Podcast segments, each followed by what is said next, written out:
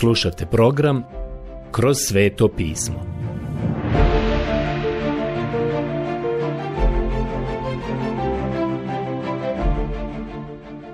Knjiga Evanđelje po Marku. Odlomak Marko poglavlje 7. Ovo poglavlje koje danas obrađujemo mnogo je kraće od prethodnog poglavlja koje je imalo 56 stihova, ali smo morali brzo da ga pređemo. Danas smo u poglavlju koje ima 37 stihova. I opet, to je veoma važno poglavlje koje nam donosi temu Evanđelja po Marku, a to će pokazati da je Gospod Isus Božiji sluga koji vrši Božiju volju. Da je on čovjek od akcije i da radi stvari koje bi se dopale Rimljanima tog vremena i svakoj osobi koja traži nekoga ko može obaviti posao. I to je predivna stvar o njemu kao spasitelju. On može spasiti. I on je jedini koji to može. U ovom poglavlju imamo tri događaja. Prvo, gospod Isus kori farizeje.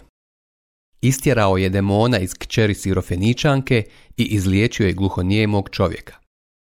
Pogledajmo ovo samo na trenutak. Ovaj prvi događaj u kojem je ukorio farizeje, primijetit ćete to jer mnogi od vas su pratili naše proučavanje i imaju bilješke kada smo imali prelaz između zavjeta primijetit ćete to da su se mnoge stvari dogodile kada se završavao stari zavjet i kada je počinjao novi zavjet. U izvjesnom smislu, ovo je najispunjeniji i najinteresantniji dio istorije izraelskog naroda. Tokom tog razdoblja, mada je prvobitno došlo do toga za vrijeme njihovog zarobljeništva, a zatim kada su se vratili u zemlju. Naime, pojavili su se farizeji i saduceji, književnici i herodovci. Ezra je očigledno bio pisar i vjerovatno osnivač te grupe. Sada su farizeji ustali da brane hebrejski način života od svih stranih uticaja. Bili su strogi legalisti. Vjerovali su u stari zavjet, a u svojoj politici bili su nacionalisti. Oni su htjeli donijeti kraljevstvo nebesko ili kraljevstvo Božje, kako god želite, da bi ga ustanovili ovdje na zemlji. Saduceji su bili bogati i socijalno orijentisani ljudi. Zapravo, imali su vrlo malo duhovne dubine, skoro nikakve. Htjeli su se riješiti tradicije. Odbacili su nadprirodno, protivili su se farizejima koji su prihvatili nadprirodno i stari zavjet. Usput, bili su vrlo slični grčkim epikurejcima. A zatim su tu bili književnici, oni su bili skupina profesionalnih tumača zakona. Očigledno su se vraćali Ezri i postali su cjepidlake u dane našeg gospoda, i više su se brinuli za slovo zakona nego za duh zakona. Mislim da je to jedan od velikih problema koje i danas imamo. To da je u naše zakone u ovoj zemlji unesena ova metoda cjepidlačenja i filozofskog interpretiranja što nikada nije trebalo da se desi. Vjerujem da je to ono što dolazi iz određenih pravnih fakulteta na istoku Sjedinjenih država. I onda, kao rezultat toga, danas je naš pravni sistem i naš politički sistem u ovoj zemlji u neredu. To je upravo ono što se dogodilo i sa religijom u dane našeg gospoda. Zatim su tu bili Herodovci. Isus je razotkrio i osudio farizeje. Sada, kada obrađujemo ovo poglavlje sa ovim predznanjem, otkrivamo sljedeće. Dopustite mi da to pročitam. Potom se nađoše kod njega farizeji i neki književnici što su bili došli iz Jerusalema. Marko poglavlje 7 stih 1 primijetit ćete da je utisak koji je naš gospod ostavio u Jerusalemu doveo te ljude iz Jerusalema na mjesto gdje je propovjedao i služio ljudima u Galileji. I također odvešće ih preko rijeke Jordan u područje Dekapolisa, odnosno područje u kome se nalazilo deset gradova. Vidjet ćemo to za trenutak. Sada stih 2. Oni opaziše kako su neki od učenika njegovih objedovali nečistim, to jest neopranim rukama. A farizeji i uopće židovi ne jedu, a da prije ne operu svoje ruke, držeći običaje starih. Kad dođu s trga, ne jedu ako se prije ne operu. Tako ima još mnogo drugih običaja što su primili te drže. Pranje čaša, vrčeva i kotlova. Marko poglavlje 7 od 2. do 4. stiha. Sada pogledajmo ovo na trenutak, jer mislim da je ovo prilično zanimljivo. Ovdje se javlja kriza oko Kristove osobe ili Isusove osobe. Uvodna riječ ovdje otkriva. Potom se nađoše kod njega farizeji i neki književnici što su bili došli iz Jerusalema. Ako se vratimo nazad u šesto poglavlje u 30. stih, tamo smo vidjeli da su se apostoli okupili kod Isusa i ispričali mu sve što su učinili. Vidite, sad dolazi do krize. On ih je poslao, oni su se vratili i izvijestili su ga, a sada ovi ljudi dolaze k njemu. I ovdje će sigurno doći do sukoba između gospoda Isusa i njegovih sljedbenika i farizeja i njihovih sljedbenika. Dakle, bile su dvije grupe koje su se okupljale oko njega. Prvu grupu činili su njegovi prijatelji, njegovi sljedbenici i oni koji su ga voljeli. A drugu grupu su činili njegovi neprijatelji koji su ga htjeli uništiti. Tako je uvijek bilo. Postoje dvije grupe, oni koji mu vjeruju i oni koji ga odbacuju. I to je i danas istina. I sada da vas upitam nešto veoma lično. U kojoj ste vi skupini? To je ono što određuje i dijeli sve na ovom svijetu. Nije važno jeste li član crkve ili ste prošli neki ritual ili ceremoniju. Kakav je vaš odnos s Isusom Kristom? To je ono što je jedino bitno i važno. Ovo je očigledno bila posebna delegacija iz Jerusalema. Bili su poslani u Galileju da uhode Isusa. Oni su sada bili intelektualni protivnici poslani da uhvate gospoda Isusa u nekoj pogrešnoj izjavi. I vjerujte mi, način na koji se naš gospod branio za mene predstavlja još jedan dokaz njegovog božanstva. Nikad čovjek nije tako govorio kao ovaj čovjek. To je svjedočanstvo njegovih neprijatelja. U Evanđelju po Ivanu, poglavlje 7, 46. stih. Naravno, nije im bilo teško pronaći neku grešku, jer je Isus potpuno zanemario njihovu tradiciju. Kakva je bila njihova tradicija? Oni ovdje zapravo nisu kritikovali učenike zbog kršenja bontona. Njima je najviše smetala činjenica da gospod nije dao da se drže tradicije u skladu sa njihovim interpretiranjem starog zavjeta. A sada se radilo o ceremonijalnom čišćenju i to nije imalo veze ni sa kakvom sanitarnom mjerom. Kako bi ga rimljani mogli razumjeti, i Marko objašnjava da je ovaj običaj ceremonijalnog čišćenja bio uobičajen u Izraelu. I bio je. Bog im je dao mnogo toga u vezi čišćenja. Kada završimo sa evanđeljem po Marku, vratit ćemo se na Levitski zakonik, a to je po mom mišljenju jedna od najvažnijih knjiga u Bibliji. Kada se vratimo tamo, otkrićemo da je čišćenje bilo veoma važno. Vidjet ćemo zašto, jer im je Bog o tome dao veliku lekciju. Na tome su farizeji sada izgradili tradiciju. Oni su izgradili tradiciju koja je trebala biti tumačenje Mojsijevog zakona, ali neki od njih su zapravo tvrdili da je Mojsije dao te tradicije onda kada je dao i zakon. Tako su vremenom te tradicije postale tumačenje tumačenja zakona. I naravno, na kraju je došlo do velikog odstupanja od prvobitne svrhe i namjere zakona. Sada su ovdje imali nešto mnogo detaljnije. Pogledajmo to u četvrtom stihu. Kad dođu s trga ne jedu ako se prije ne operu. Tako ima još mnogo drugih običaja što su primili te drže. Pranje čaša, vrčeva i kotlova. Marko poglavlje 7, četvrti stih. Sve se to u potpunosti ticalo spoljašnjih stvari, a bilo je opterećujuće.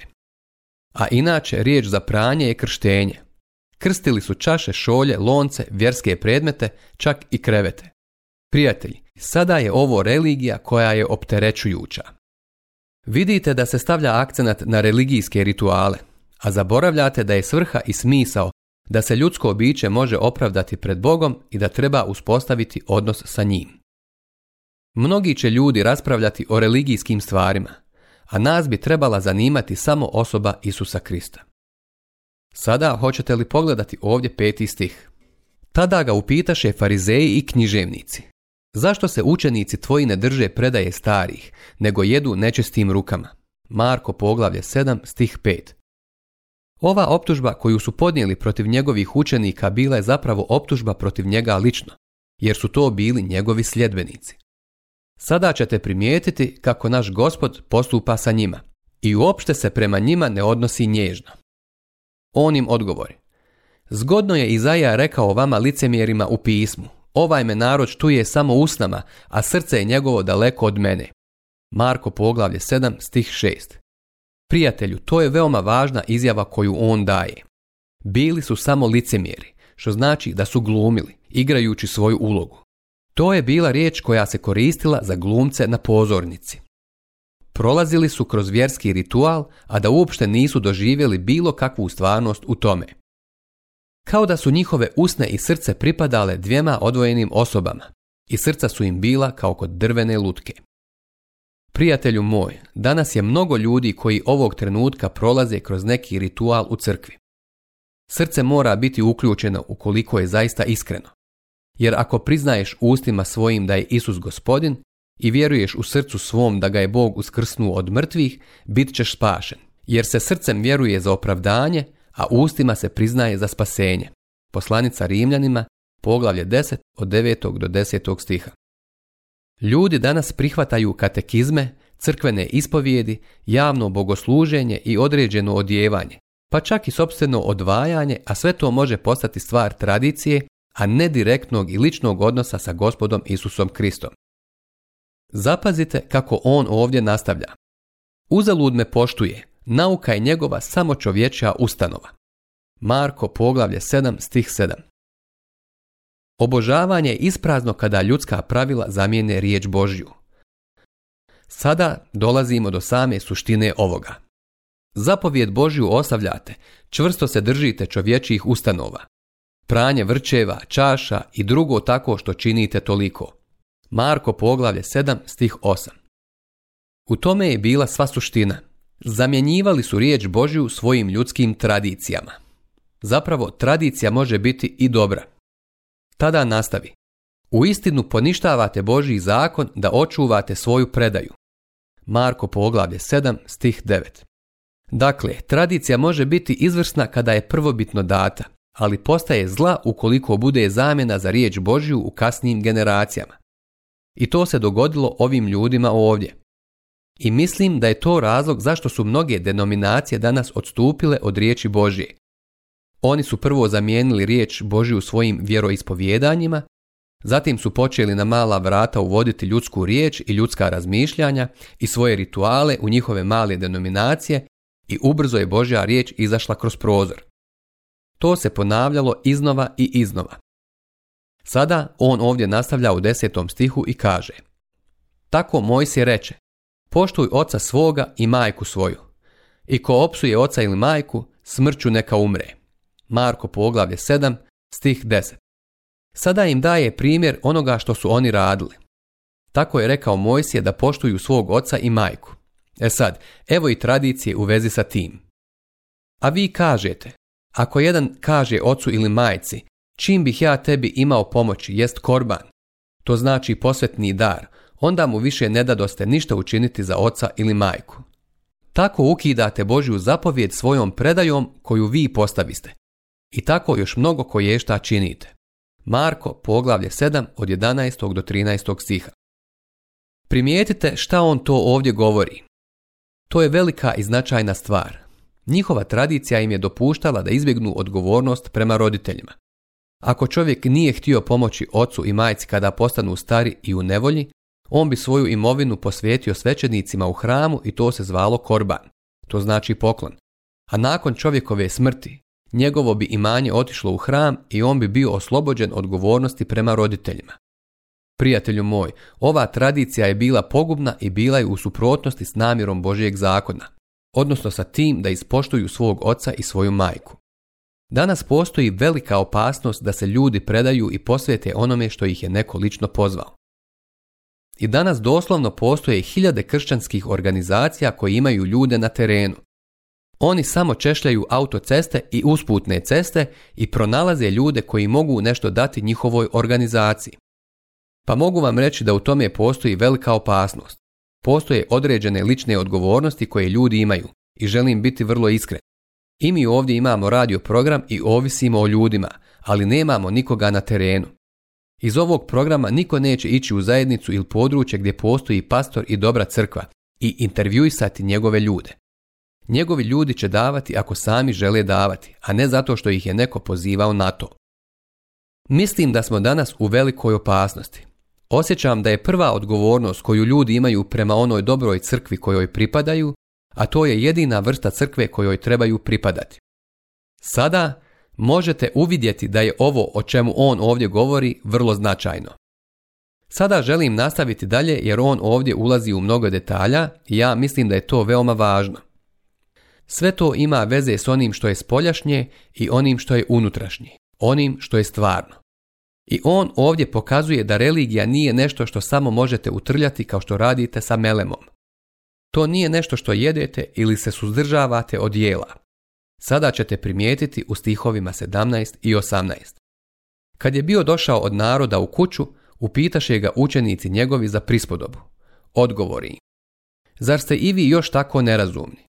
Ne uviđate li da sve što izvana ulazi u čovjeka ne može ga učiniti nečistim? Jer mu to ne dolazi u srce, nego u želudac i ide svojim naravnim putem. A što, nastavi on, izlazi iz čovjeka, to čini čovjeka nečistim jer iz ljudskih srdaca dolaze zle misli. Marko poglavlje 7 od 17. do 21. stiha. Sada govori o tome šta izlazi iz čovjeka.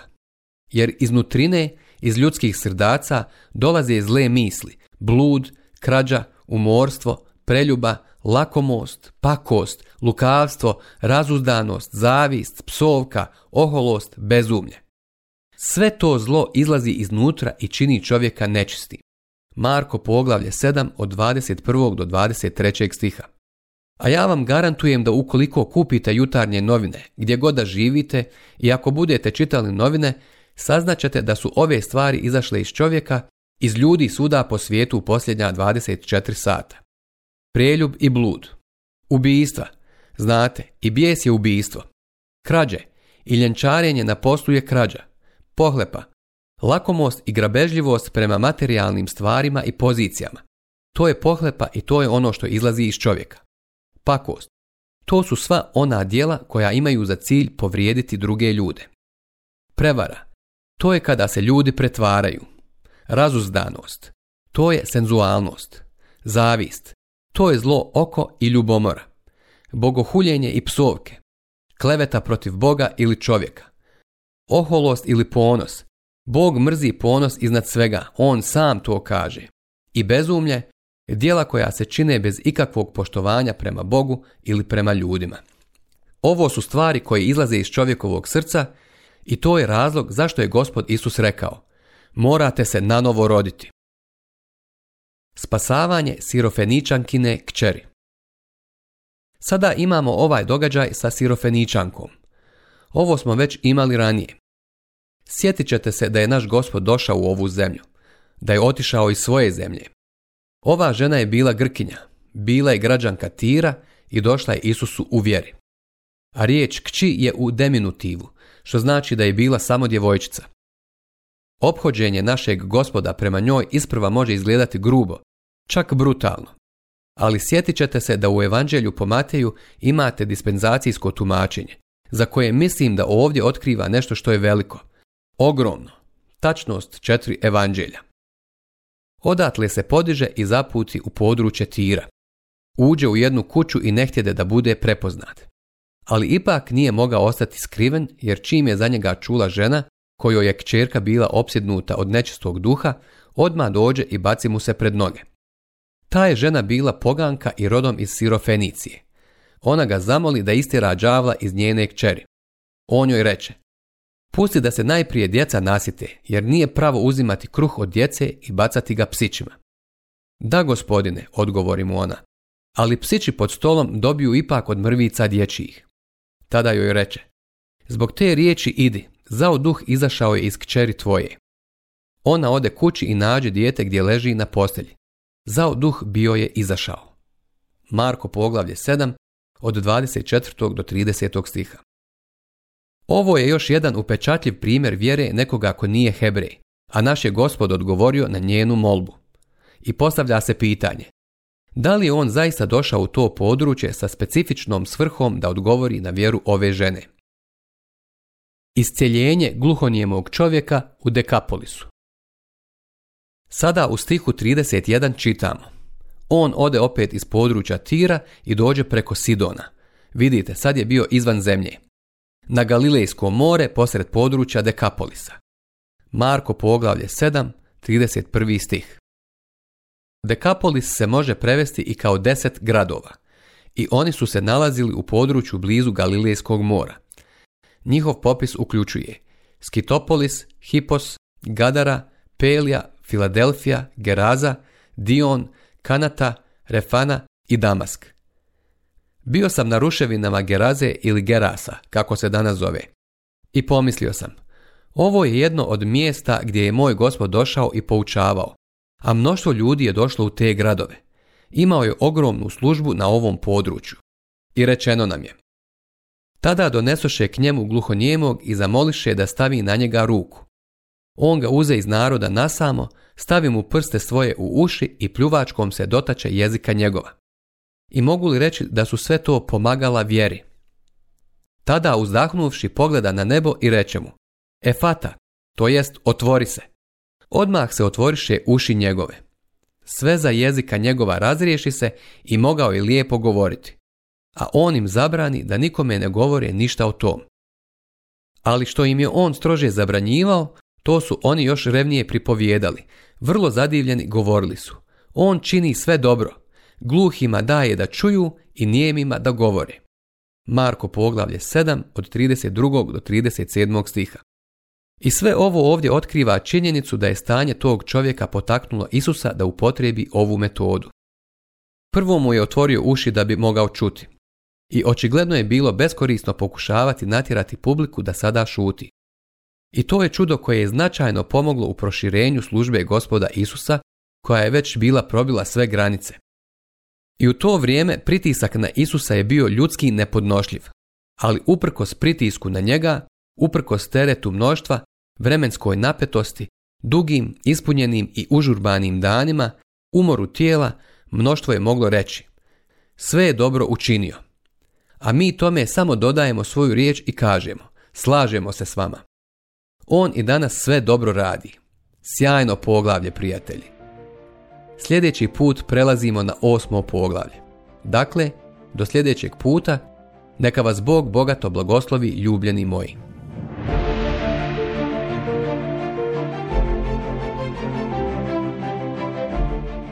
Slušali ste emisiju Kroz sveto pismo.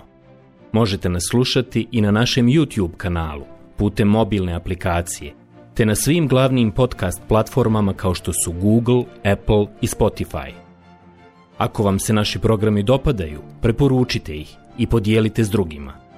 Budite slobodni da ostavite svoj komentar ili nam pišite na našu e-mail adresu kroz svetopismo.bih at gmail.com Zapratite našu stranicu kroz sveto pismo BiH na Facebooku i na Instagramu Emisije iz ove serije možete pronaći na našoj stranici ttb.twr.org.